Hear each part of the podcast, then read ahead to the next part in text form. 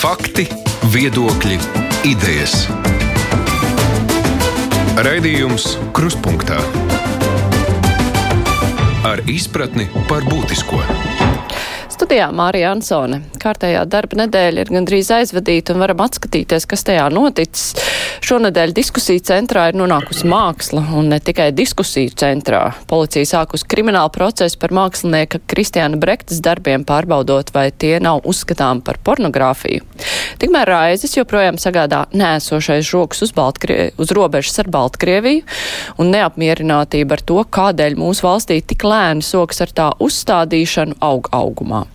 Kritiskākās vietas uz robežas plānots nosekt ar dzeloņstiepļu žogu, ar kuru iegādi arī neveicās, bet vismaz 5 km dzeloņstiepļu Latvijai uzdāvinājusi Slovenija. Jārunā arī par saslimstību ar covid-19, kas pieaug atbilstoši nepatīkamākajiem scenārijiem, un veselības ministrija jau runā par plānveida veselības aprūpas pasākumu ierobežošanu. Par to visu plašāk runāsim ar žurnālistiem. Kopā ar mums ir žurnāla ir galvenā redaktore Nelija Ločmēls. Sveika, Nelija! Sveiciens! Tāpat arī Latvijas radio pētnieciskā žurnālistikas nodaļas vadītāja Anita Brauna. Sveika, Anita! Sveicināti! Ilja Kozins no Latvijas televīzijas. Sveiks, Ilja! Sveiki! Un mans kolēģis raidījumā Kruspunktā Aidis Tomsons. Sveiks, Aidi! Sveiki, sveiki! Uh, nu, lai nesāktu ar covid, uh, sāksim tomēr ar mākslu. Uh, šī te Kristiāna Brektas dairade, par kuru daudz iespējams uzzināja tikai pateicoties visiem notikumiem un skandāliem, kas ar to ir saistīta. Bet, nu, ja vēl jāpiebilst, ka ne jau, ka šis te krimināla process ir rosināts nevis uh, ar šo sienas gleznojumu, bet uh, advokāte Viktorija Jarkina uh, kura cits starpā ir arī domnieka, bijušā domnieka Alekseja Roslikova jaunveidotās partijas e, pārstāve. Viņa ir vērsusies policijā, kur ir e, sākusi šo kriminālu procesu, lai izvērtētu, vai prektes e, mākslas darbos ir vai nav saskatāma pornogrāfija. Policija procesu ir ierosinājusi, nu, kā to vērtēt? Policija dara, kas darāms, gaidīsim, kas sanāk, vai tomēr nu, tur ir par ko diskutēt? Nelī, kā tu domā? Nē, nu, diskutēt jau var. Tas ir ļoti jauki, ka māksla izsauc diskusijas un emocijas. Bet nu, ne jau policija un ne jau krimināla process ir tas formāts, kādā jādiskutē par mākslu. Man, man īstenībā, es iekšēji šaubos starp divām nostājām šajā gadījumā. Viens tāds prātīgāks, tāds, tāds miers eh, manī saka, ka nevajag visām šīm putām vienkārši ļauties un pievienot vēl tur kādus savus viedokļus klāt, jo man liekas, ka uz pandēmijas fona vienkārši cilvēki daži jūg prātā un, un, un nevajag par to tik ļoti uztraukties. Bet no otras puses, es domāju, ka tas tomēr eh, nav uh, ok. Uh, tas ir uh, bīstam tāda tendence, ja uh, mēs sabiedrībā apsveram iespēju, ka mākslu varētu cenzēt. Jo nu, ir ļoti skaidrs regulējums Latvijas republikā, ka pornogrāfija nu, nevar būt māksla. Māksla nevar būt pornogrāfija. Ja? Tas nozīmē, ja tu piesaki mākslas darbus, aizdomās, ka tur ir pornogrāfija, tu jau, ja ceļš ir tas jurists, tu laikam neesi likums izlasījis. Un man liekas, ka tā ir nopietna problēma. Arī tā diskusija, kur, kur bija domas aizkrāsot to morāli, ko, ko Brekta ir uzgleznojis. Nu, paliek neomalīgi domāt, ka mēs šobrīd, 21. gadsimtā, esam Latvijas republikā, kur cilvēki vienkārši tāpēc, ka viņiem nepatīk, varētu sākt vākt parakstus un kaut kā administratīvi krāsot ciet lietu sienas. Un, es nezinu, man tās asociācijas ir tiešām ar kaut kādu nacista laika Vāciju. Uh, kur mēs redzējām, ka ļoti viegli ir cilvēks uzkurināt, aizstāvot kā kaut kādas pareizās vērtības. Nu, mēs esam brīvi valsts un mākslai noteikti ir jābūt brīvai, un, un nekāda cenzūra tur nav pieļaujama. Anita, kā tev šķiet? Nu, Melija jau visu ļoti labi izstāstīja, bet vai tu tā ļoti droši paziņoji, ka ir krimināla process, bet vai tiešām ir? Jo vienīgā informācija, nu, vienīgais avots, kas to apgalvoja, ir tā advokāta. Man liekas, ka policija neapstiprināja, nu, noliedz. Es vismaz kaut kur ziņās tā lasīju. Tas bija tajā pirmajā ziņā, pēc tam jau tika runāts, nu, ka viss notiek, ka policija pieaicināšot ekspertus un vērtēšot, bet, nu, katrā ziņā mēdījos tas ir aizgājis tā, it kā šis krimināla process patiešām ir sākts. Un policija. Nu, tikai, lai ir... mēs saprotam, ka krimināla process nav krimināla lieta, jā, lai varbūt dažiem klausītājiem, lai viņi atšķiet, krimināla process ir uh, izpētīšana, vai tur ir krimināla lieta vai nē. Nu, sauksim to tā cilvēks. Nu, pat ja tas ir aizgājis līdz krimināla procesam, ja tas tā tiešām ir, es laikam būšu palaidis garām tās ziņas, kur policija apstiprina, ka tāda lieta ir.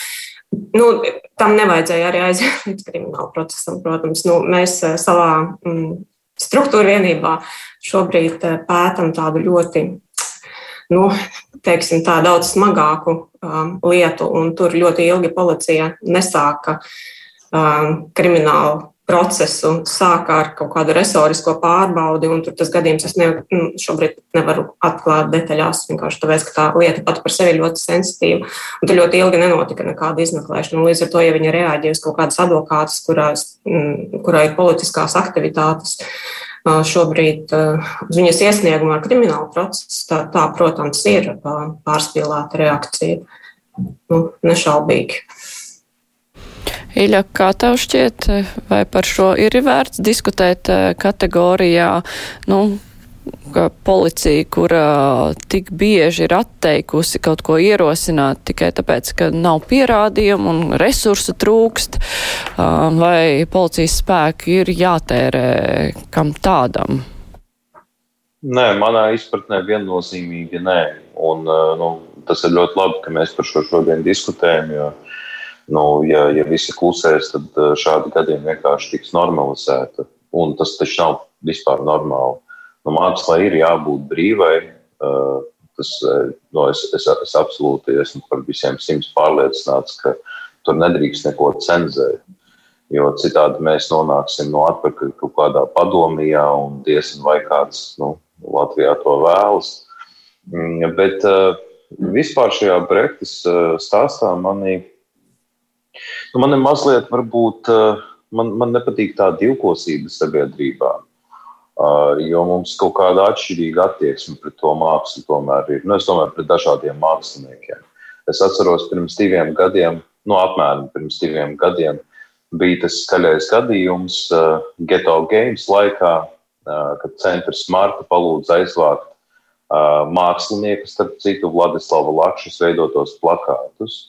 Viņš eh, ļoti daudz sadarbojas ar NBA nu, un eh, veido eh, dažādas gleznojumus par sporta tematiku.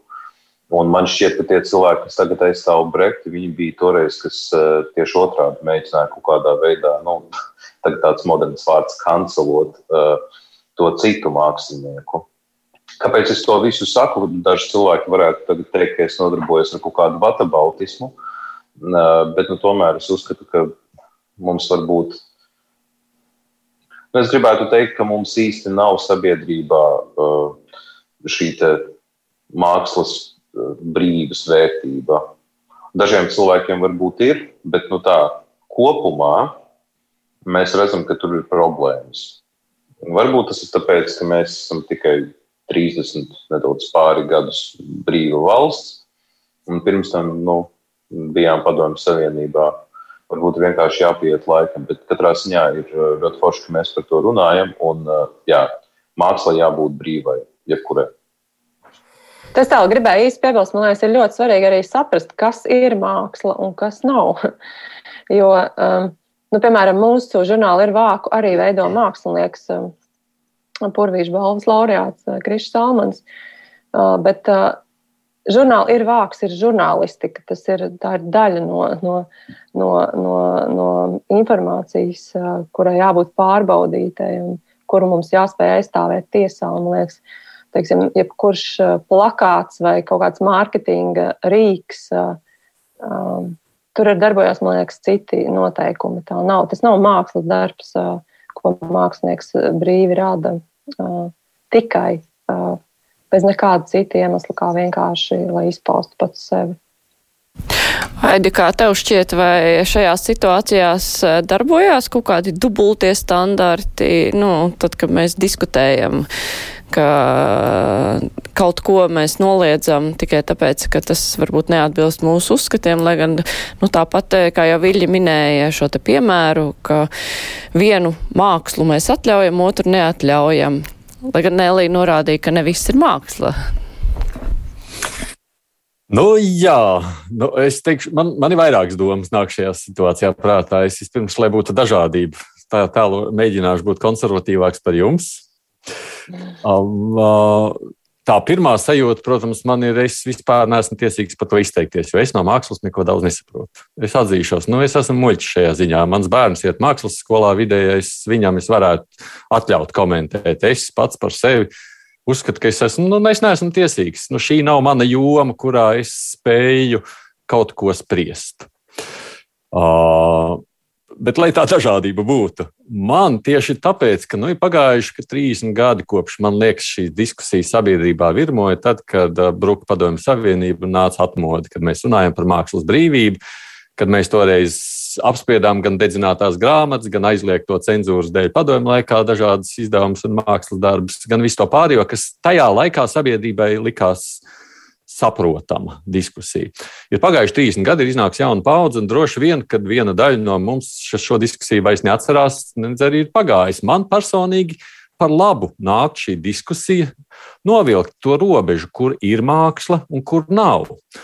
Jo es esmu tas, kurš, kā jau teicu, kurš nespēja par to spriest, jo man, nu, es neesmu gājis, es neesmu pat īstenībā izglītots šajā jomā. Es nevadu kultūras frontā, redz, es vadu kruspunktā, un mums par mākslu sanāk maz runāt. Uh, jo es kādreiz aizrāvos ar fotografiju. Nu, tā gan bija man tāda tuva joma, un ja es kaut kur, nu, kas man patīk, es eju uz fotoizstādēm, skatos, jā, kā varētu veidot. Ja to, ko dara Brekte, pieņemsim, tas būtu uzlikts fotografijā, Nu, es teiktu, ka visticamāk, ka tur būtu krimināla process. Bet foto jau arī tā kā ir māksla. Mēs fotografijā nepieļautu, jo, nu, ja jūs apskatītu tos brekts darbus, nu, es, piemēram, neko tādu nesaprotu, bet, nu, es redzu, tur ir seksa ainas neapšaubām, jā, tur ir grupa veida seks, tur ir sadomazihistiskas uh, gleznas, nu, tādas lietas, kas ir, nu, pilnāk pla plaukumā. Fotografijā mēs to atzītu par pornogrāfiju. Zīmētā mēs sakām nē. Un droši vien tāpēc nu, viņš ir izpaudies. Jā. Nu, es, piemēram, gribētu to diskusiju saprast, kur ir tā robeža, kurā mēs sakām, jā, zīmēt. Ja tā ir tava mākslinieckā izpausme, nu, tās ir tavas emocijas. Nu, viņa darbi jau, mēs jau redzam, vismaz man tā izskatās. Es personīgi arī neesmu sekojis viņam līdzi, bet nu, man liekas, ka nu, kā jebkuram cilvēkam var redzēt, ka viņam kādā brīdī ir tuva tēma. Tā tēma bijusi pirms kāda laika tuvāka. Nu, tad, tad, tad, tad, Nu, viņš ir tāds, man liekas, pēdējā laikā es vairāk redzu to nāves tematiku viņa tajā darbos. Nu, nu, Es šo, par šo diskusiju, līdzīgi kā Iris saka, es par viņu priecātos. Man gribētos, ka mēs kā sabiedrība spējam atbildēt uz jautājumiem, uz kuriem tādi analfabēti kā es nezinām atbildes. Nu jā, man ir 5 centi savukārt, ka, lai vai kādas būtu diskusijas tā līdz galam un skaidru robežu, kur sākas un kur beidzas māksla, neviens tāpat nevarēs novilkt un pateikt ļoti precīzi definīciju te ir un te nav. Un bieži vien tās lietas kļūst skaidrs arī pēc, nezinu, zināma laika varbūt. Bet varbūt šādas lietas palīdz nu, kaut kādu, nu, labi, ne, ja ne stingru robežu, tad nu, man kā tādam muļķim saprast, jā, kurā brīdī tad es varu izveidot savu viedokli. Es saku, wow, nu, labi, šito es neskatos, tas man neinteresē. Man droši vien ir tiešām piedod, lai Brekts kungs piedod, nu, man viņa māksla neuzrunā. Nu, es viņu tiešām, es, es viņu gleznas pie sienas neliktu istabā. Bet, bet nu, es taču nevaru lemt par citiem. Es varu tikai par sevi šajā brīdī spriest. Man liekas, ka nē, nu, diskutēt jau var, kāpēc ne? Bet uh, nav jādiskutē ar kriminālu procesu rīkiem. Jā, tas bija tas, ko es arī gribēju piebilst, ko Anita jau nu pat minēja, ka viena lieta ir diskutēt, kas ir un kas nav māksla, otra lieta ir krimināla process. Nu, lai nu ko, bet Brekt ir milzīgs ieguvējs no viss šī. Jā, nu kāds, es personīgi gadu neko daudz par viņu nezināju, pateicoties morālim, visam, kas tā aizgāja nu, būs laikam atpazīstamākais mākslinieks Latvijā. Tūlītās. Nu, vismaz uz laiku. Labi. Uh, ja mēs runājam par uh, kaut ko, kas attiecas uz iekšlietām, tad uh, pievēršamies robežas jautājumam. Uh, ar uh, Baltkrievijas, Latvijas-Baltkrievijas robežas izbūvi īsti neveicas. Mums 13 gadus ir celts, celta šī robeža, un tā arī nav uzcelta. Tagad, kad ir kļuvis aktuāls migrācijas jautājums no Baltkrievijas uz Eiropas Savienību, nu mēs esam sapratuši, ka steigšs ir kaut kas jādara, jo tieši šī austrumu robežas daļa ir vairāk palikusi novārtā, turklāt tur ir darba apturēti, jo ir arī pārkāpumi konstatēti. Nu, tagad ar steigu tiek domāts, nu, kā fiziski ierobežot uh, iespēju pārkļūt pāri robežai. Bija dzeloņa stiepļu iepirkums. Uh, tā izsludināts ar to pirmo neveicās. Uh, tagad mums Uh, ir Slovenija uzdāvinājusi 5 km uh, dzeloņstiepļu, kurus var likt uz robežas, kas uz uh, kopīgā robežas garuma, protams, ir šķiet kā tāds piliens jūrā, un ir arī jauns, jauns līgums par robežas izbūvi jau ar citu uzņēmumu, un kuram arī būs šīs dzeloņstieples jāiegādājas. Tā visa fonā ir pārmetumi, ka, nu, kāpēc mēs tik lēnām to visu darām? Paskat, poļi Viņiem jau tur viss ir gandrīz kārtībā. Lietuvieši arī ļoti aktīvi kārto savu robežu. Mums sola līdz 24. gadam to sakārtot. Nu, Polija varbūt uh, ir citā situācijā, jo padomi laikos. Uh, tā bija tomēr Padomju Savienības un Polijas robeža, kas bija stiprāka nekā nu, mums uh, ar Baltkrieviju tajā laikā, un tāpēc mums tā infrastruktūra no tiem laikiem īpaši nav palikusi. Vismaz tā skaidroja aizsardzības ministrs, kad bija mūsu raidījumā. Bet šis 24. gads, kas ir pateikts, ka līdz tam tas tiks izdarīts, tas ir tāds normāls, sakarīgs termiņš, vai tomēr nu, mēs atkal kaut ko nemākam un mēs atkal kaut ko velkam garumā, Iļa? Velkam garumā, protams. Vilka garumā tas ir tāds mūsu nacionālais sports. Tāpat kā veidot uh, komisiju un vairākas komisijas un diskusiju tā vietā, lai vienkārši darītu, kā to dara mūsu kaimiņi. Tagad, uh, abstrahējoties no kaut kādiem maniem personīgiem viedokļiem par uh, žogu izpūvu un tam līdzīgi, nu es uzskatu, ja ir pieņems lēmums par to, ka nu, vajag to dzeloņu stiepu tur pēc iespējas ātrāk ierīkot, Un tad arī vajag darīt visu, lai tas pēc iespējas ātrāk notiktu. Um, nu, it kā jau pirmajā, uh, kad bija pirmā cena aptauja par dzelzceļa stieples iegādi, jau tad tika piemēroti vienkāršoti iepirkuma noteikumi. Un uh, patiesībā sakot, tas pat nebija iepirkums, tā bija cena aptauja. Un uh, pētot to stāstu, tur sanāca tā, ka tehniskajā specifikācijā bija norādīti vairāki uh, dzelzceļa stiepļu tipi. Uh, bet līgums uh, ar šo piegādātāju SIA brīdi iepriekšējo tika noslēgts par vienu konkrētu tipu. Un uh, tad tā argumentācija no piegādātāja puses bija apmēram tāda, ka nu, tas, tas tips, par ko tika noslēgts līgums, tas vairs nav pieejams, jo pārpirkuši lietuvieši, liels pieprasījums un tādā garā. Un tāpēc mēs, tā kā tehniskās specifikācijas ietvaros, esam piedāvājuši alternatīvas. Nodrošinājuma valsts aģentūra saka, ka nē, šīs alternatīvas mums neder, jo līgums tika noslēgts uh, tātad par konkrētu tipu. Nu, saprotiet, šeit ir ļoti daudz tādu, mm, es gribētu teikt, administratīvu lietu. Es nezinu, vai tieši šķēršļi vai nav, uh, bet uh, manā skatījumā to visu varētu darīt daudz vienkāršāk un ātrāk. Ja vien būtu laba komunikācija, un tas, ko es redzēju šajā stāstā, jo es pats esmu to atspoguļojis vairākas dienas pēc kārtas, tas, ka starp nu, to iepriekšējo piegādātāju un atbildīgo valsts iestādi vienkārši iztrūka tā nu, cilvēciskā saziņa. Viņi vienkārši apmainījās ar e-pastiem, vēstulēm, kad ir krīzes situācijā. Situācija tā vienkārši nu, nedrīkst darīt ir visu laiku 24 uz 7 jābūt uz telefona. Nevar, teiksim, tā, es nezinu, šodien man ir darba diena līdz 5, un visas aiziet prom uz mājām, kad valstī ir krīze. Un tas pats attiecas arī uz eh, lēmumu pieņēmējiem politiskā līmenī. Kad mums ir šī krīze, tad, eh, ja tu esi izvirzījis uzdevumu, iespējami ātrāk uzcelt to nu, vismaz pagaidu žogu, tad tev personīgi ir jāsako tam, lai tas žoks tur tiktu pēc iespējas ātrāk uzcelts. Un tur nedrīkst būt tā, kamēr šī krīzes situācija nav beigusies, ka ot, man darba diena ir beigusies un es eju mierīgi mājās. Nē, šī tā nedara.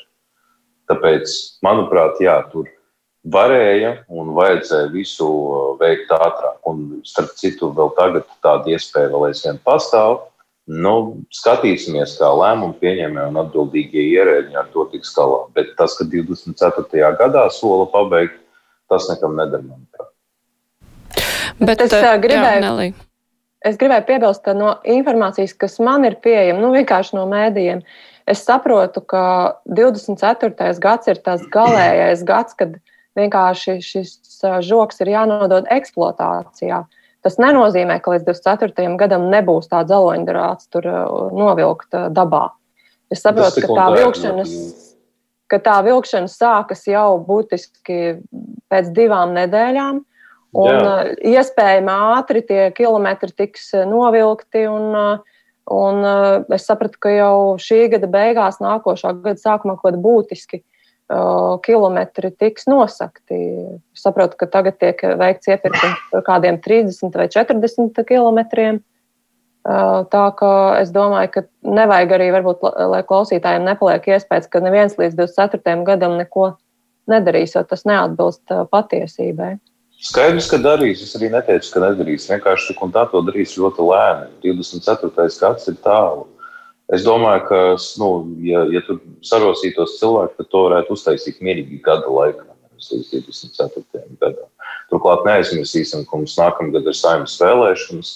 Tur vēl viss kādu brīnumu var uzpeldēt un simtreiz nomainīties, un tad atnāks citi ministri un pateiks, nē, mums to nevajag. Vai arī tur vēl kaut kas notiks, un tas aizies nevis līdz 24. gadam, bet līdz 26. Tā kā es domāju, ka to būtu tomēr jācenšas darīt, nu, ja jau tāds lēmums ir pieņemts līdz saimnes vēlēšanām, jo pēc tam tas varētu būt grūtāk.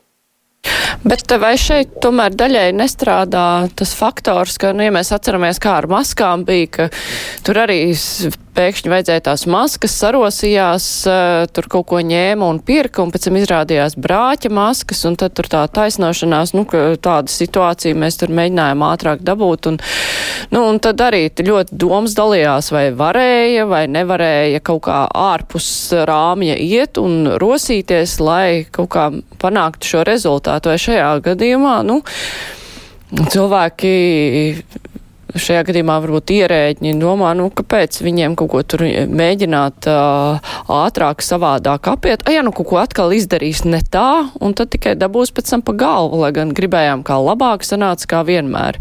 Vai arī tomēr ir jāskatās uz to, nu, lai politiķi, lai tā politiskā vadība pasaka, dariet tā, un mēs uzņemamies par visu pilnu atbildību. Anita, kā tu redzi šo situāciju? Vai tur ir tās bailes, nu, ka mēs varam kaut ko atkal ne to izdarīt, vai nu, vienkārši, nu, darām, kā darām? Nu, pirmkārt, es neesmu izpētījis šo tematu, lai es varētu atbildēt pavisam mm, zinoši un kompetenti, vai tur ir bailes vai nē, bet eh, nu, tā vienkārši no malas komentējot, varētu būt. Jo mēs jau zinām, ka tur ir krimināla procesa apakšā par to Baltkrievijas būvi. Es domāju, ka tie lēmumu pieņēmēji, protams, ka vēlās izsargāties no tā, ka tur atkal būtu kaut kādas eh, kriminālas aktivitātes. Jo ir skaidrs, ka ir daudz eh, gribētāju, kas tur gribētu kaut ko iepārdot ātrā un tā. Bet tie tikai mani tādi spriedelējumi no malas. Es tiešām nu, tur ir nepieciešama iedziļināšanās, lai, lai atbildētu um, godīgi uz tavu jautājumu. Nu. Es tā gribēju arī nokomentēt to, to lielo bildi. Uh, tas ir ļoti interesanti, ka mums gadu, nu, gadiem mēs dzīvojam blakus vienam diktatoriskam režīmam un vispār neveidojam robežu ar šo valsti. Kaut gan mēs saprotam, ne Krievija, ne Baltkrievija, nu tās nav nekādas mums draudzīgas valstis. Un tad man rodas jautājums, vai mēs uzskatām, ka šajās valstīs tie režīmi mums nerada nekādus riskus, un viņi mainīsies un kļūs demokrātiski. Mēs ceram, ka nākamajās vēlēšanās tur nāks eh, kāda tautas eh, brīvības aizstāv pie varas, un mēs varēsim pāri robežām tur brāļoties. Vai arī tas ir tāds latviešu ad hoc, tāds nu, ne, nerisinām problēmu, kamēr, viņi, kamēr ritīgi nes, nesmeļās ūdens mutē. Un tad, kad tas ūdens smeļās mutē, nu, tad ir jāķer un jāgrāb kaut kas. Man liekas, te pietrūks tāda strateģiska, mierīga, tāda skaidra skata par to, kas ir Latvijai draudi ģeopolitiskie draudi apkārt. Un tā robeža taču ir kaut kas ļoti aptverams. Mēs esam maza valsts.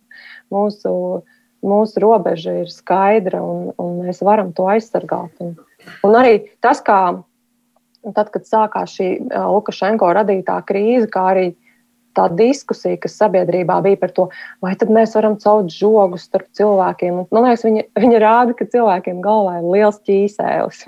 Tiešām. Jo mums ir, mums ir runa par to, ka blakus Latvijas republikai ir reāls diktatorisks, vardarbīgs režīms, kas pats apkaro savus cilvēkus, kas jebkādu savu politisko mērķu dēļ izmantos, uh, izmantos jebkuru izdevību arī vājināt mūsu grautu Eiropas Savienību. Tas ir naidīgs, naidīgs kaimiņš, un mums ir jādzīvo atbilstoši šai skaidrajai izpratnē nevis jāmaldās kaut kādos rozā mākoņos un jācer, ka vienkārši viss būs labāk. Tas apmēram tieši tāpat kā mēs Covid katru vasaru, teikt, jau otro vasaru, ja? mēs vienkārši ceram, ka gan jau būs labāk. Nu, dzīvē tā nenotiek. Nu, acīm redzot, eh, nu, es nezinu, vai acīm redzot, bet līdz šim tā kā bīstamāks eh, režīms tieši, ja mēs runājam par nevis bīstamāks saviem iedzīvotājiem, bet tā apkārtējai pasaulē vienmēr ir šķitus Krievijā valdošais režīms, un tāpēc eh, domājot par austrumu robežu, tad lielākie spēki laikam jau tika veltīti robežai ar Krieviju, un neviens negaidīja, ka varētu nākt šāds pārsteigums no Baltkrievijas puses, jo līdz tam viss bija mierīgi.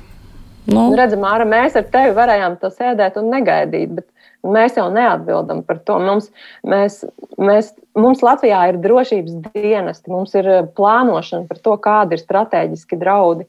Ja šajā līmenī cilvēki to nav varējuši saprast un nav spējuši pārliecināt par to, ka tur ir jāiegulda ne jau arī lielas summas, nu, ir, tas ir valsts vājums. Tā, tā nedrīkstētu būt.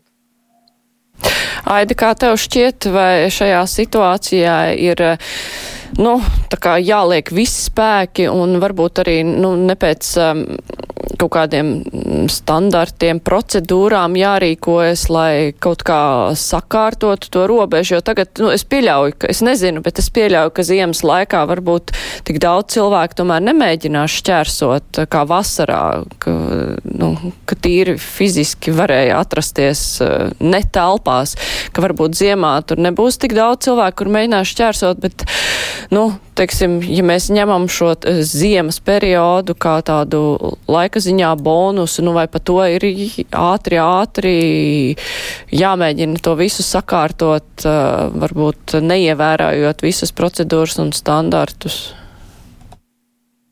Um. Dzeloņdrāžu žoks nav nekādas maskas tādā ziņā, ka tur jau ir viss skaidrs, vai nu tur ir žoks no metāla, nu, kas tur varētu būt ne tādas provas metāls, ne, ne tik stingrs, vieglāk pārgriezt ar šķērēm, varētu būt, nu, kur varētu būt tā, tā problēma par to kvalitāti, es aizdomājos. Uh, nu, metāla stabus, ko tu ieliec iekšā, neielikt tur no sudraba vai alumīnija. Nu, tādā ziņā, ka tur, man liekas, to aptauju noskaidrot, cik maksā metrs, vajadzētu būt ārkārtīgi vienkārši. Tur nav garš procedūras, neredz. Uh, Šīs ir ārkārtas stāvoklis, un mēs jau nevēl esam pie robežas izsludinājuši. ārkārtas stāvoklis ir oficiāls ārkārtas stāvoklis, kurš ļauj, kā zināms, vienkāršotas procedūras. Tas, ko, protams, es sagaidu, ka tur kāds uz šo procesu neuzvārīsies. Tās gan tādā ziņā, es domāju, ir arī mūsu raizes vai bažas, ka žurnālistiem tādā ziņā ir jāskatās līdzi, un ko mēs arī domājam, tāpat kā valsts kontrole dara. Nu, ka, nu, tur vajag noskaidrot, jā, nepērkam divreiz dārgāk nekā varēja nopirkt. O, bet to var, piedod, godprātīgi izdarīt itin vienkārši, man liekas, šajā. Tur nav nekā tāda. O, o, es arī, protams, pilnībā piekrītu Iļģam tādā ziņā, man reizēm mulsina Mēs, mēs divus gadus vai trīs gadus strādājam pie iepirkuma, izstrādājam noteikumus tam līdzīgi. Nu, tad ir konkurss, un beig beigās uzvar tas, ka tu skaties, un domā, ah, ja es ietu, es to piecreiz lētāk izdarītu. Apmēram tā. Un tu brīnies, ka no tā konkursa rezultāta jau nekas tur lāga nav sanācis. Rezultāts beigās ir tāds, ka valsts kontrole atkal to pašu pasaka, kas bija pirms konkursa. Tāpēc man jau liekas, ka es arī uz, tiem, uz tām procedūrām jau nu, mēs redzot, kā tas mums Latvijā notiek, reizēm ļoti skeptiski skatos. Šajā brīdī, jā, atvieglotais, vienkāršotais ceļš, darām, darām ātri, darām maksimāli Nu, bet tajā pašā laikā maksimāli godīgi. Un neredzu tur grūtības to izdarīt, ja grib izdarīt. Anita, tu gribēji piebilst? Nē, negribu. es atgādināšu uh, klausītājiem un uh, skatītājiem vēlāk Latvijas televīzijā, ka šodien kopā ar mums ir žurnāla ir galvenā redaktore Nelī Ločmelē, Latvijas radio pētnieciskās žurnālistikas nodaļas vadītāja Anita Brauna, arī Iļa Kozins no Latvijas televīzijas un mans kolēģis Kruspunktā Aidis Tomsons. Mēs tūlīt turpināsim. Raidījums Krustpunktā. Vēl par naudas lietām. Svešos makos izmaiņas atalgojuma likumā, kas paredz valsts pārvaldē strādājošajiem nu, faktiski palielināt algas, jo valsts kancelēja ir rēķinājusi, ka valsts un pašvaldību darbiniekiem, nu, tādos augstāk kvalificētiem speciālistiem atalgojums ir no 30 līdz 40 procentiem zemāks nekā identiskos amatos privātajā sektorā. Uh, un tad ir nepieciešams šīs izmaiņas, lai cilvēki arī valsts pārvaldē nu, tiktu noturēti labākie speciālisti. Bet zem šie likumi ir arī saimas un valdības amatpersonas, kuriem 23. gadā pēc aģentūras leta aprēķiniem tur celsies arī līdz 40%, varbūt pat vairāk atalgojums, tur arī kā nu kuram. Uh, Ir sašutums, ka šajos grūtajos laikos valdība, valdībai būs tāds algas pielikums, vai ir pamats sašutumam, vai šādās kategorijās vienkārši uz to nevar skatīties. Visa valsts pārvalde ir visa valsts pārvalde un viss.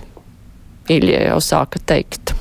Nē, tur, tur, tur, tur, tur noteikti ir pamats sašutumam. Es saprastu, ja tās algas, nu, pieņemtu lēmumu, ja, ja tās celtu tikai augsti kvalificētiem ierēģiem, ar kuriem tiešām ir grūtības. Bet man visvairāk mulsina, ka šajā likuma projektā tik tiešām ir iekļauts arī algu palielinājums ministriem. Ja es nemaldos, tad, ja maldos, tad lūdzu labojiet manu kolēģi saimnes priekšsēdētājai, satversmes tiesas priekšsēdētāju un citiem augstiem amatiem. Mani visvairāk šajā kaitina tieši tas, ka ir iekļauti ministri, kuru algas tāpat katru gadu ir piesaistītas noteiktam koeficientam un attiecīgi kā no, vienkārši, lai, lai novērstu tās inflācijas sekas, tāda baigā privilēģija, kurai, kuras faktiski nav lielākai daļai Latvijas iedzīvotāju. Tad, tas tur tika piesaistīts tai vidēji audai valstīm un tam līdzīgi. Un vēl papildus šajā algu reformā viņiem paaugstināt algas, nu, manuprāt, tas vienkārši ir eh, ļoti netaisnīgi, ņemot vērā to, ka eh, Covid-19 pandēmijas dēļ daudzi mūsu eh, līdzpilsoņi nu, ir nonākuši tiešām grūtā dzīves situācijā. Un tagad, atkal, kad sākas dažādi ierobežojumi, nākamajā dienā paziņot, ka lūk, ministriem tiks celtas algas. Nu, pirmkārt, pirmām kārtām tas ir tāds liels sabiedrisko attiecību fails vienkārši. Un, tas ir ārkārtīgi netaisnīgi. Arī, ja mēs, piemēram, paskatāmies uz to mērķi, uz reformas mērķi, proti, tuvināt valsts sektora algas privātajam sektoram, un apskatīsim šo argumentu, teiksim tā, reducējot tikai uz ministriem, tad ministrs ja mēs salīdzinām viņa atbildību un, teiksim, kaut kādu uzņēmumu vadītāju atbildību, tad uzņēmumu vadītāja atbildība ir daudz lielāka. Ministrs ir atbildīgs tikai politiski. Un, lai klausītāji saprastu, ko tas nozīmē, tas nozīmē, ka viņš vienkārši var zaudēt savu amatu kaut kādu neizturību dēļ, un viss. Viņš nav materiāli atbildīgs. Viņš var tur sastrādāt dejebko, bet nu, viņam, viņam nebūs nekāda teiksim, tā taustām atbildība. Nu, viņu var neievēlēt. Tas ir trakākais. Uzņēmuma vadītājs, ja viņš, es nezinu, pieļauj kaut kādas nopietnas kļūdas, nu, tas, tas var uz viņu nopietnāk atspēlēties. Tāpēc, manuprāt, algas bija jāceļ tiešām augsti kvalificētiem speciālistiem, ierēģiem, bet katrā ziņā tur nebija jāiekļauj ministri un citi augstiem. Tas vienkārši nav taisnīgi un nav arī īstais brīdis. Ja, ja būtu, teiksim, tā tas, tas cilvēku labklājība uzlabotos kaut kādā veidā būtiski eh, pēdējā gada laikā, nu, varbūt tad tur būtu pamats runāt. Bet nu, vienkārši likumsakarīgs jautājums par ko? Nu, par ko? Anita, tev arī jautājums par ko? Un... Nu, man šajā jautājumā ir vairākas domas. Principā, nu, kas attiecās vismaz uz nu, tādu, nezinu, vidējo vai, vai zemāko valsts pārvaldes rangu, tad es domāju, ka tur algas ir noteikti jāatcer. Nu, kaut vai atceraties, diezgan plaši izskanējis. Um, kad um, cilvēks ar Kembridžas diplomu mēģināja atrast darbu um, slimību profilakses un kontrolas centrā, un viņam tika piedāvāta 500 eiro alga. Tas eh, norāda, ka tas līmenis ir ārkārtīgi neadekvāts. Un viņš lepojas ar to, ka viņš izplēsa 700 eiro algu, kas arī šāda līmeņa speciālistam uh, droši vien nav adekvāta summa. Un mēs zinām, ka mums ir uh, policijā nespēja piesaistīt izmeklētājus spēcīgus, jo tur arī algu līmeņi ir šausmīgi zemi. Līdz ar to problēma ir, un visiem nu, šāda kategorija cilvēkiem algas ir jāceļ. Vai augstākajām valsts amatpersonām ir jānonāk līdz tam līmenim, kas tur šobrīd ir sazīmēts? Nu, es arī šaubos par to, jo man liekas, ka algai, protams, prezidentam un premjeram un ministriem ir jābūt nu, sakarīgai, bet šajos amatos tomēr cilvēki, man liekas, iet vai vajadzētu būt tā, ka primārā motivācija ir nu, kalpot sabiedrībai, izdarīt kaut ko labu sabiedrībai. Nu, tur nevar iet pelnīt naudu. Un man tomēr liekas, ka um, konkurence uz šiem amatiem ir vai vēlme kandidēt uz šiem amatiem ir pietiekami liela arī ar to algu līmeni, kas šobrīd ir. Un visbeidzot, e, nu, jā, šie plānotie algu palielinājumi gan attiecās uz 2023. gadu, ne nākamo gadu, bet man tomēr liekas, ka par e, valsts augstāko amatpersonu algu vismaz tik krasu celšanu nav morāla tiesība runāt tikmēr, kamēr mums ārsti velk cauri pandēmijām ar tām algām, kādas viņiem šobrīd ir. Jā, Covid laikā viņiem bija piemaksas, bet tā, viņiem nav pārslodzes Covid dēļ, viņiem nav to piemaksu, tad tas algu līmenis tomēr joprojām ir salīdzinoši zems. Un ārsta biedrības norāda, ka arī ar to pielikumu, kas ir plānots nākamajā gadā, tā problēma netiek atrisināta. Un šo es tiešām nesaprotu. Un tā pandēmija ir parādījusi, ka tā veselības aprūpe mums ir tik svarīga lieta un tik svarīga, lai strādātu tur labi ārsti un labas medmāsas, kurus šausmīgi trūkst šobrīd Latvijā. Un, ja tur nespēja koncentrēt šajā brīdī resursus un to lietu sakārtot, nu kādas ir tiesības runāt par to, ka mums vajag prezidentu ar virs, cik tur bija 7000 eiro algu? Nu, kāpēc? Nelija. Jā, es piebildīšu pāris lietas. Mana sajūta par valsts pārvaldi ir tāda, ka, es nezinu, man nav tādas striktu faktu, tas vairāk balstās uz sarunām ar cilvēkiem un, un vērojumiem ilgstošā laika posmā, ka valsts pārvaldē, un es ieskaitu arī pašvaldības, ir ļoti tāda nevienmērība.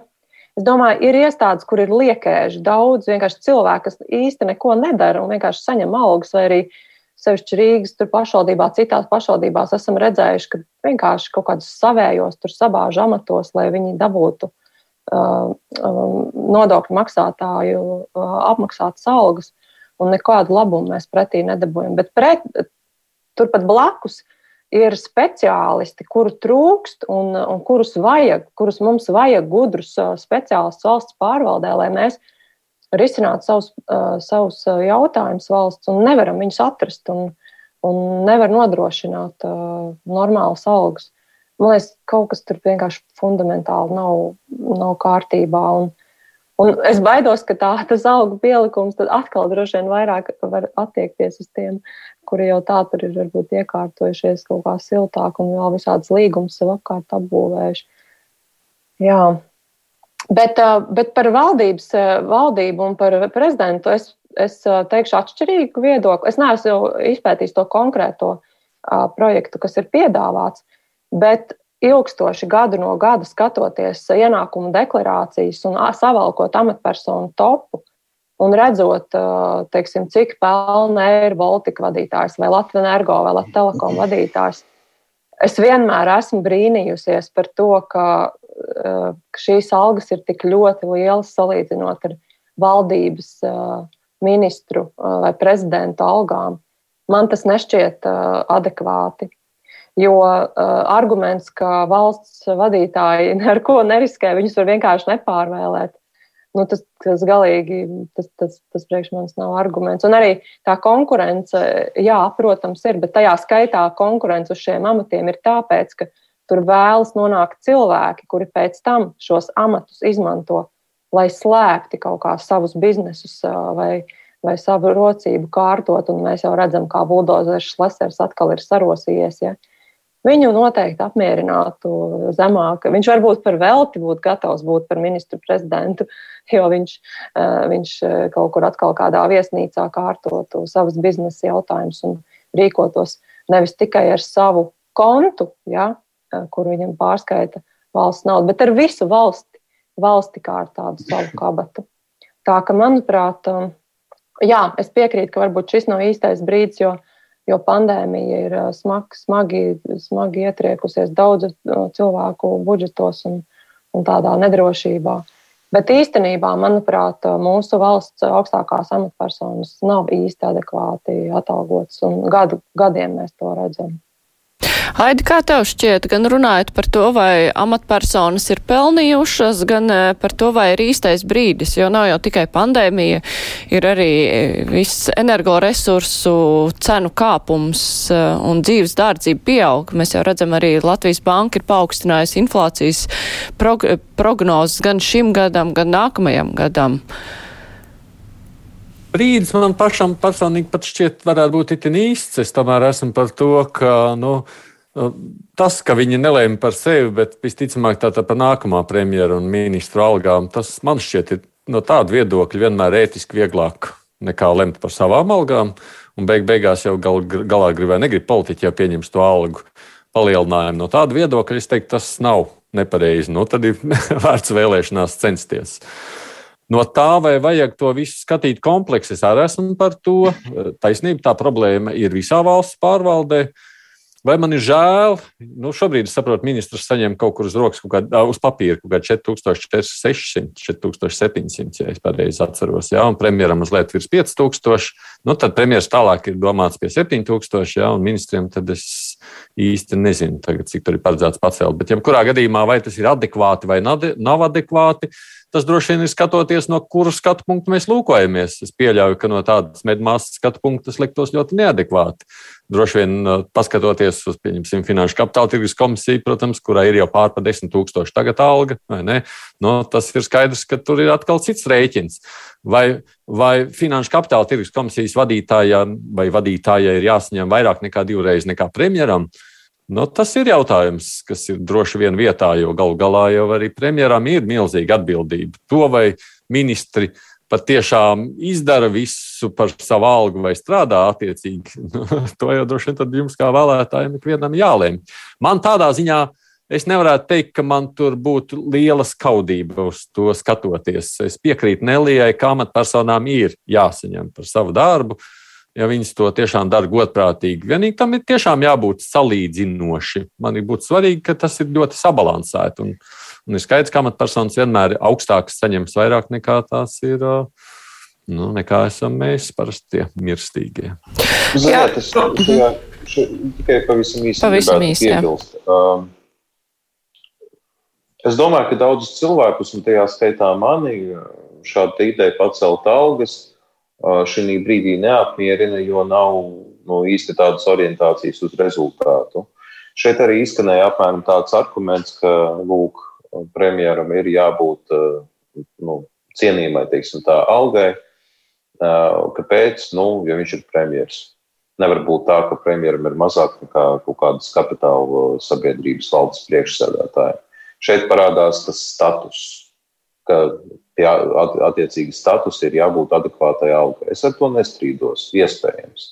Bet manā pasaules uzturē tomēr rezultāts un orientācija uz rezultātu ir daudz svarīgāk. Un kamēr mums nav šīs orientācijas uz rezultātu, bet ir orientācija uz administratīvo procesu, nu, Mēs laikam tā arī dzīvosim, ka cels algas, bet rezultātu nebūs. Bet politiski tas vienmēr būs neizmērami citādāk kā caur vēlēšanām. Nav jau politiski cita rezultātīva izmērīšanas iespēja, vai ne? Tur jau nav cita darba devēja. Mēs jau esam darba devēji, nav jau viņiem citu. Bet es arī gribēju pat precizēt, tas nav status, tā ir Jā, atbildība. atbildība. atbildība. Premjeram tā ir atbildība. Jā. Finanšu ministrs un premjeras, manuprāt, dara, nu, viņas mums tā vajadzētu okay, būt, ka viņam ir atbildība tikpat liela kā Fuktukam. Izpaužās. Kā izpaužās šī atbildība? Un kā tad Fuktukam izpaužās tajā brīdī, kad tu netiec galā, tu viņu atlaiž no darba? Nē, šī atbildība okay. izpaužās tā, ka, piemēram, netiek galā no, no savu darbu, ok, viņi var nu, vienkārši demisionēt. Nē, es runāju no. par to, ko cilvēki šajos amatos spēj ietekmēt un mainīt mūsu dzīvē. Tā ir tā atbildība. Tāpēc mums būtu, jā, mums, mēs visi esam ieinteresēti, lai mums ir sakarīgi valdības vadītāji, jo viņu lēmumi ietekmē Tieši mūsu tā. dzīvi. Jā, bet nu, jautājums ir par to, cik kvalitatīvi viņi ietekmē. Jā, Anita, vēl pavisam īsi. Anita vēl pavisam īsti gribēja piebilst, ka nu, man liekas, ka nav īsti adekvāti salīdzināt valsts prezidenta algu ar kapitāla sabiedrību vai uzņēmumu vadītāju algām. Uh, norādīšu, ka Air Baltica prezidents mums šobrīd ir nolgots par miljonu eiro gadā. Nu, mēs taču negribam, lai mūsu valsts prezidenta alga arī būtu miljonam pievilkta. To pat Amerikā tik liela alga prezidents eh, nepelna. Es vēlreiz gribēju uzsvērt, ka tas ir taisnība, jā, bet, bet, bet, cilvēki ar pilnīgi citu motivāciju. Bet, ja mēs runājam, atceramies par tiem pašiem mediķiem, nu, tad, kad prasījām studijā, vai tie mediķi, kas Covid laikā strādāja, mēnesī saņēma 5000, viņi teica, jā. Cipols kundze. Nu, kas nozīmē, ka premjerministrs, ja ministrs saņēma mazāk par mediķi šajā brīdī, kas ir uh, varbūt patīkami, neapšaubāmi. Bet es teiktu, ka nu, droši vien, ka tur tai samērībai būs jābūt, jo atbildība ir tas, ka varbūt ministrs neizdara savu darbu. Es pilnībā piekrītu Ilja, bet, tā, bet tā mērīšana ir tikai un vienīgi mums, kā žurnālistiem un, un kā vēlētājiem, nav jau tā citas iespējas ietekmēt šo procesu. Jā, nu mums ir palikuši tikai kādas piecas minūtes, lai runātu par Covid jautājumiem. par kuriem sanāk katru nedēļu runāt. Bet eh, nu, valdība ir pieņēmusi šos lēmumus, kurus gan pēc daudz domām vajadzēja pieņemt jau pirms pāris mēnešiem, kas saistās ar dažādiem ierobežojumiem strādāt nevakcinētiem cilvēkiem, kas liek uh, faktiski visur iekštelpās uh, pakalpojums sniegt tikai vakcinētiem cilvēkiem, un darba devējiem ir plašākas iespējas arī vērsties pret uh, darbiniekiem, ja tie nav vakcinēti. Uh, šis te stājas spēkā tikai oktobrī, oktobra sākumā. Vai tas brīdis, kad tiks uh, iedarbināti šie ierobežojumi un ņemot vērā, kā pieaugusi ir saslimstība jau tagad un cik pilnas slimnīcas ir tagad. Kādas ir prognozes valdībai nāksies lemt arī par to, lai ierobežotu dzīvi vakcinētiem cilvēkiem, jo daudzi gāja vakcinēties tikai tāpēc, lai būtu brīva dzīve. Bet cik ilgi tāda varētu būt, Nelī, kā tev šķiet? Cik ātri mēs nonāksim pie tā, ka būs šādi lēmumi jāpieņem? Es domāju, ka mēs nonāksim diezgan ātri, jo slimnīcās jau šobrīd ir pāri par 500 pacientu, un mēs atceramies, ka 500 bija tā robeža, kur tā kā varēja neko negrozot tikt galā. Un, 1500 ir galējā robeža, ar ko vispār mūsu medicīnas sistēma saka, ka var tikt galā. Un, un pie tā tempa, kā šobrīd tā saslimstība ir, es domāju, ka mēs neizvairīsimies no tā, ka visticamāk Un es pat varu pateikt savu emocionālo sajūtu, kāda man ir vērojot to mocīšanos, kāda mums bija pagājušajā ziemā, kad valdība nespēja pieņemt skaidrus tādus asus lēmumus. Un ļoti daudz mēs runājām par lockdown, bet nekad lockdowns netika ieviests. Es, piemēram, uzskatu, es, es kā cilvēks, es būtu gatava divas nedēļas uh, sēdēt mājās, un es domāju, ka tas būtu vieglāk divas nedēļas apsēsties visiem mājās, visu, visu nevajadzīgu apturēt, nodzīt šo pandēmijas inficēšanās līkni uz leju, un tad dabūt attēlu, lai tie cilvēki, kas jau ir vakcinēti, var atsākt brīvi dzīvot, un tie, kas vēl nav, dabūtu burkānu motivāciju, skaidri redzētu, ka ir nepieciešams vakcinēties. Jo, jo tādas mocības, kā bija pagājušajā gadā, un mēs esam tādā pašā situācijā, pusi sabiedrības ir tieši tādā pašā situācijā kā pērn, kad vakcīnas vēl nebija. jo viņiem šīs vakcīnas nav. Viņi nav to izdarījuši, viņi nav savakcinējušies, viņi nav sevi pasargājuši. Un līdz ar to mēs kā sabiedrība neesam sevi pasargājuši. Anita, kā tu domā, cik drīz mēs nonāksim pie tādiem lēmumiem, ierobežojumiem arī vakcinētajiem? Es nezinu, cik drīz mēs nonāksim. Es neesmu pārliecināta, ka pie tā mums ir jānonāk. Jo lockdowns pilnīgi visiem uz divām nedēļām. Un es sapratu no valdības, ka viņi šajā gadā, ja viņiem kaut kas būs jāslēdz cieta, viņi slēdz šādā veidā visiem uzreiz. Bet uh, tas jau to situāciju neuzlabos. Pēc divām, divām nedēļām mēs būsim tieši turpat, ja cilvēki turpinās nevakcinēties. Un tur ir tā problēma lielākā, ka ļoti liela sabiedrības daļa Latvijā joprojām ir nevakcinējusies. Man liekas, ka tā ir problēma, kas ir jārisina. Es joprojām uzskatu, ka tur nav izdarīts viss, ko ir eh, varēts izdarīt. Jo ļoti liela daļa cilvēku vienkārši baidās iet to saņemt vakcīnu, un ar šiem cilvēkiem bieži vai tiek, nu, es vismaz neredzu indikācijas, ka tiek ļoti mērķiecīgi un personīgi strādāts. Uh, līdz ar to man liekas, ka tas risinājums ir darbs šajā vietā. Nē, nē Anita, mēs nebūsim pēc divām nedēļām turpat. Ja šī inficēšanās tiks apturēta, tad cilvēki nesaslims un nenomirs. Nē, nu, Anita runāja par to, kas notiks jā, pēc aptur... tam un vēl pēc Bet divām nedēļām. Pēc tam, nu, mēs tad visu ziemu atkal dzīvosim. Nē, nu, mēs turpinām. 50% sabiedrības nevakcinējās. Nē, nu, ir, jāturpina, ir jāturpina šī vakcinēšanās. Vakcinē, vakcīnas ir vienīgais risinājums, tas ir skaidrs. Nu, ja. Bet šobrīd vakcīnas, vakcīnas 15. novembrī nevar apturēt to, ka cilvēki uh, šodien, rīt, pēc divām nedēļām turpina saslimt, nomirt un pārpildīt slimnīcas. Tas ir jāaptur. Mēs šobrīd esam līmenī, kurā tas ir jāaptur, un to nevar apturēt ar vakcinēšanas lēna tempa palielināšanu. Aidīt, Nē, nu, es skatos, piemēram, uz eh, Dailas teātri. Dailas teātris ir gandrīz simtprocentīgi savakcinējis savus aktierus, un viņi laiž iekšā tikai vakcinētos cilvēkus. Kāpēc likt ciest atkal šiem cilvēkiem? Tāpēc, ka ļoti daudz cilvēku Latvijā ir savakcinējušies, un ko līdzēs tas, ka viņi sēdē šajā laikā mājās, lockdownā. Nu, mēs, no, redzam, ka, mēs redzam, ka vakcinēti arī inficējās. Nu, jā, bet viņi nenonāk slimnīcās, viņi nepārslogos slimnīcas. Nu, nu, jā, bet eh, problēma jau arī tā, ka, nu, jā, ka vakcinētie inficēs, bet viņi var arī inficēt citus cilvēkus. Eh, bet nu, tas notiek daudz mazāk nekā nevakcinētie. Nu, jā, bet eh, jo, jo mazāks ir vispārējais vakcinācijas process, procents, jo lielāka iespēja, ka arī vakcinētais var iznest to slimību tālāk. Tā kā, nu, jā, diemžēl mums laika arī nav vairāk to apspriest. Gribēju Aidim uzdot vēl vienu jautājumu, bet neuzdošu. Jā, Aidis rausta plecus. Bet, nu, skatīsimies, cik lielā mērā mudinās cilvēks vakcinēties kaut vai šie strādāšanas ierobežojumi, jo arī, nu, tādi praktiskie aspekti jau arī daudziem ir bijuši iemesls, kāpēc viņi tomēr ir aizgājuši vakcinēties, jo ne visi ir tādi zvērināti vakcinācijas pretinieki, ir jau es domāju, pietiekami daudz tādi, kuri, nu, vienkārši nogaida joprojām, es pieļauju, bet, nu, Jā. Dati rādīs, eh, kas būs noticis pēc eh, divām nedēļām, pēc mēneša un tā tālāk. Par veselības aprūpu mēs runāsim arī pirmdien, bet mēs runāsim par to, par privāto medicīnu, kur arī ir iesaistīta vismaz daļēji šīs te pandēmijas apkarošanā, jo mūsu studijā būs veselības centra četri vadītājs Māris Rēvelts. Bet es saku paldies visiem, kas piedalījās šodien. Anita Braun, Latvijas radio, Nelija Ločmelē, žurnāls Ierīļa Kozins, Latvijas televīzija un Aida Aidis Tomsons, Latvijas radio arī raidījums kruspunktā. Paldies, ka varējāt piedalīties. Raidījums izskan producenti Revi Junām un studijā bija Mārija Ansona. Visu labu līdz pirmdienai!